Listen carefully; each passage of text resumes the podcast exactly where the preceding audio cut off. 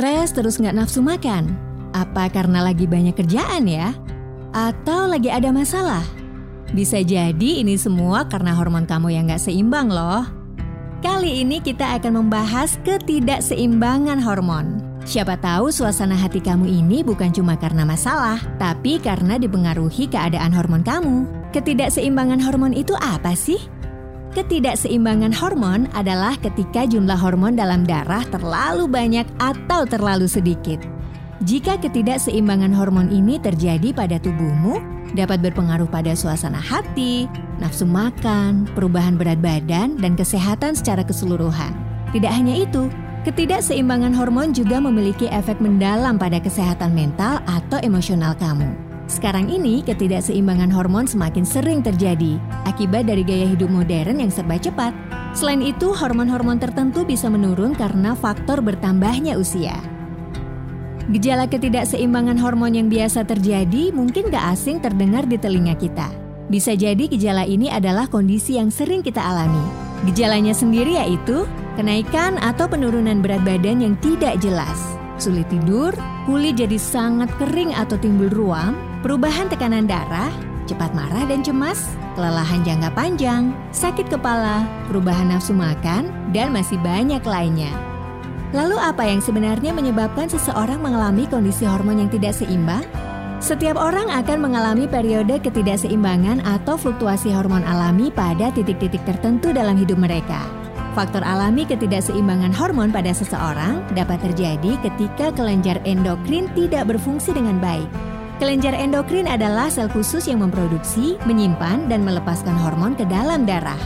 Ada beberapa kelenjar endokrin yang terletak di seluruh tubuh manusia yang mengendalikan berbagai organ, yaitu kelenjar adrenal, gonad, kelenjar pineal, kelenjar di bawah otak, kelenjar hipotalamus, kelenjar tiroid, paratiroid, dan pulau pankreas. Secara faktor alami dari dalam tubuh manusia, ada pula beberapa kondisi medis yang mempengaruhi ketidakseimbangan hormon. Beberapa di antaranya adalah stres kronis atau ekstrim, diabetes tipe 1 dan tipe 2, pola makan dan asupan nutrisi yang buruk, kelebihan berat badan, penyalahgunaan obat steroid anabolik, reaksi alergi parah atau infeksi, kemoterapi dan terapi radiasi, Turner Syndrome, yaitu kondisi pada wanita yang hanya memiliki satu kromosom X yang berfungsi, anoreksia, dan masih banyak lainnya. Gimana? Apakah di antara kalian ada yang merasa mengalami kondisi hormon yang tidak seimbang?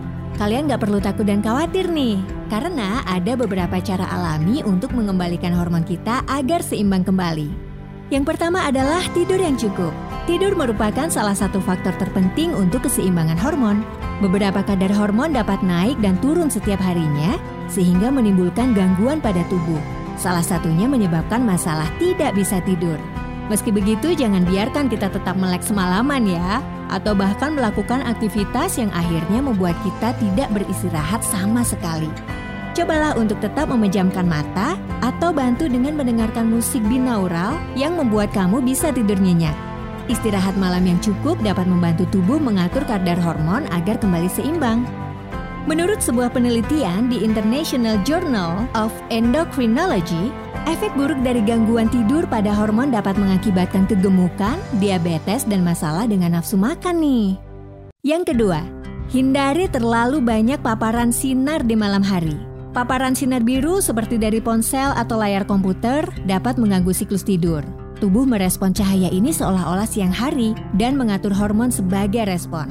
Sebuah penelitian di Chronobiology International mencatat bahwa sinar biru terang dari alat-alat seperti handphone, TV, dan laptop dapat mempengaruhi otak sehingga otak menyangka bahwa hari masih siang.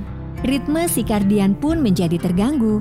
Akibatnya tubuh tidak memicu produksi hormon melatonin yang menyebabkan kita mengantuk. Hormon melatonin diproduksi oleh tubuh saat sekeliling kita gelap.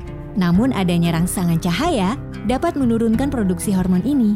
Penurunan produksi hormon melatonin menyebabkan kita menjadi susah tidur. Ayo yang suka begadang nonton di laptop atau HP mulai dikurangi ya. Ketiga, kelola stres. Sebuah studi dalam jurnal Experimental and Clinical Science menunjukkan hubungan antara stres, sistem endokrin, dan kadar hormon. Para peneliti berpendapat bahwa kaitannya sangat kuat. Bahkan tingkat stres yang rendah tetap dapat berpengaruh pada sistem endokrin. Stres menyebabkan peningkatan pada hormon adrenalin dan kortisol.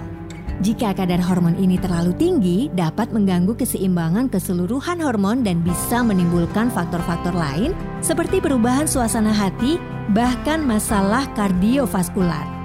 Sebuah studi dalam jurnal Psychoneuroendocrinology menunjukkan bahwa mendengarkan musik dapat mengurangi tingkat stres. Jadi bagi kalian yang merasa sedang mengalami stres, bisa coba mulai mendengarkan musik yang kalian suka ya. Keempat adalah berolahraga. Sebuah studi dalam jurnal Sport Medicine mencatat bahwa dengan sesi latihan singkat dapat membantu mengatur hormon yang mengendalikan nafsu makan. Aktivitas fisik yang dilakukan secara teratur dapat mengurangi resiko resistensi insulin, sindrom metabolik, dan diabetes tipe 2. Kalian cukup melakukan olahraga singkat 3 sampai dengan 4 kali seminggu.